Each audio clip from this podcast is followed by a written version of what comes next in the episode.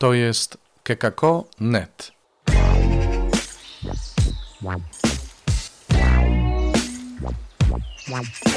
Poranny suplement diety. Chrystus zmartwychwstał, witajcie. Kolejna pigułka naszego suplementu. No i dziś znów Słowo Boże odwołuje się do naszego serca i to tak wprost, że już bardziej chyba nie można. Zwróćmy się do Pana, mówi Ozeasz. On sam zranił, on sam uleczy. No ale co tak naprawdę jest raniącego w tej naszej relacji z Panem? Jeśli On nas rani, to rani nas prawdą o nas, jeśli chcemy jej słuchać. Bo ona jest, no co tu dużo mówić, Czytaliśmy niedawno fragment o tym, że po jego stronie jest świętość, a po naszej wstyd na twarzy. I mamy powody, żeby się wstydzić, jedni mniejsze, drudzy większe, ale wszyscy jesteśmy w tej samej pozycji, o czym zresztą też niejednokrotnie już i w suplemencie była mowa, ale przede wszystkim o czym Pan wielokrotnie mówi w swoim słowie. Dwóch ludzi, którzy przyszli się modlić do świątyni.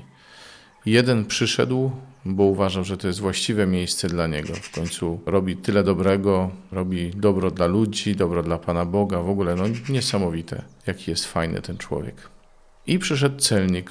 Celnik, który należy do kategorii ludzi będących na marginesie prawa albo poza prawem, dlatego że celnicy z natury rzeczy, po pierwsze, współpracowali z okupantem, a po drugie, ta ich praca niestety sprawiała, że mieli pole do nadużyć i korzystali z tego. Więc ten celnik przyszedł mimo wszystko do Boga. Przyszedł i stanął jako grzesznik. Stanął w prawdzie, bez udawania. Tak sobie pomyślałem, że mm, kiedy my mamy coś na sumieniu, to przyjmujemy takie dwa skrajne nastawienia. Jedno jest takie: ja jestem winien? To, co zrobiłem, tylko się wydaje złe. Ludzie się tak przyzwyczaili to nazywać, ale właściwie można to widzieć inaczej. To nie jest złe. Ewentualnie drugi wariant tej samej postawy jest taki: przecież musiałem tak zrobić, nie mogłem zrobić inaczej. No a ta druga skrajna postawa, jaką możemy przyjąć, to jest odwrócenie się i pójście sobie precz z myślą o tym, że ja i tak nie zasługuję na Boże miłosierdzie. Ja i tak odszedłem zbyt daleko już się nie da wrócić stamtąd, dokąd ja doszedłem. W jednym i w drugim przypadku brakuje nam tylko jednego: brakuje nam zaufania. Faryzeusz ufa bardziej sobie niż Bogu, więc stara się o dobre uczynki i z nimi przychodzi do świątyni. Celnik wie, że nie ma nic na swoją obronę. I celnik właśnie ufa Bogu, ufa Jego miłosierdziu. Wie, co złego zrobił, przychodzi i uznaje to przed Bogiem. To jest taka postawa, jaką nawiasem mówiąc przyjmujemy na spowiedzi, jeśli się spowiadamy dobrze, jeśli z właściwym nastawieniem przystępujemy do tego sakramentu.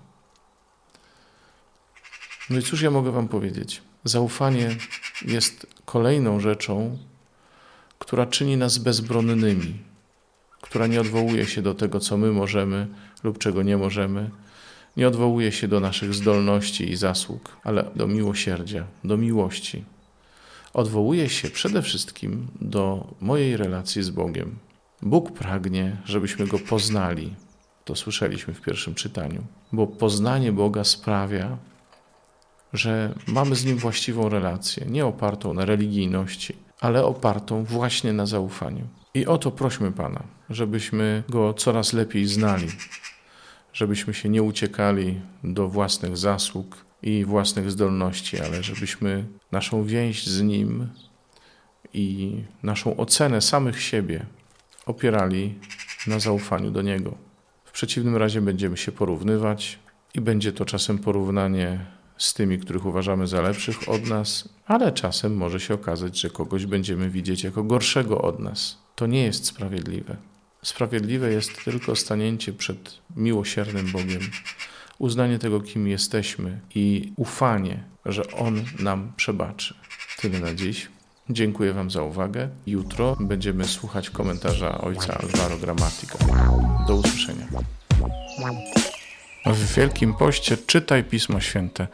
Słuchaj Pana, który mówi do Ciebie, a jeśli chcesz się podzielić tym, co usłyszałeś, usłyszałaś, napisz do nas redakcja małpa.kekako.net albo nagraj wiadomość na stronie odcinka podcastu. Wow, wow, wow.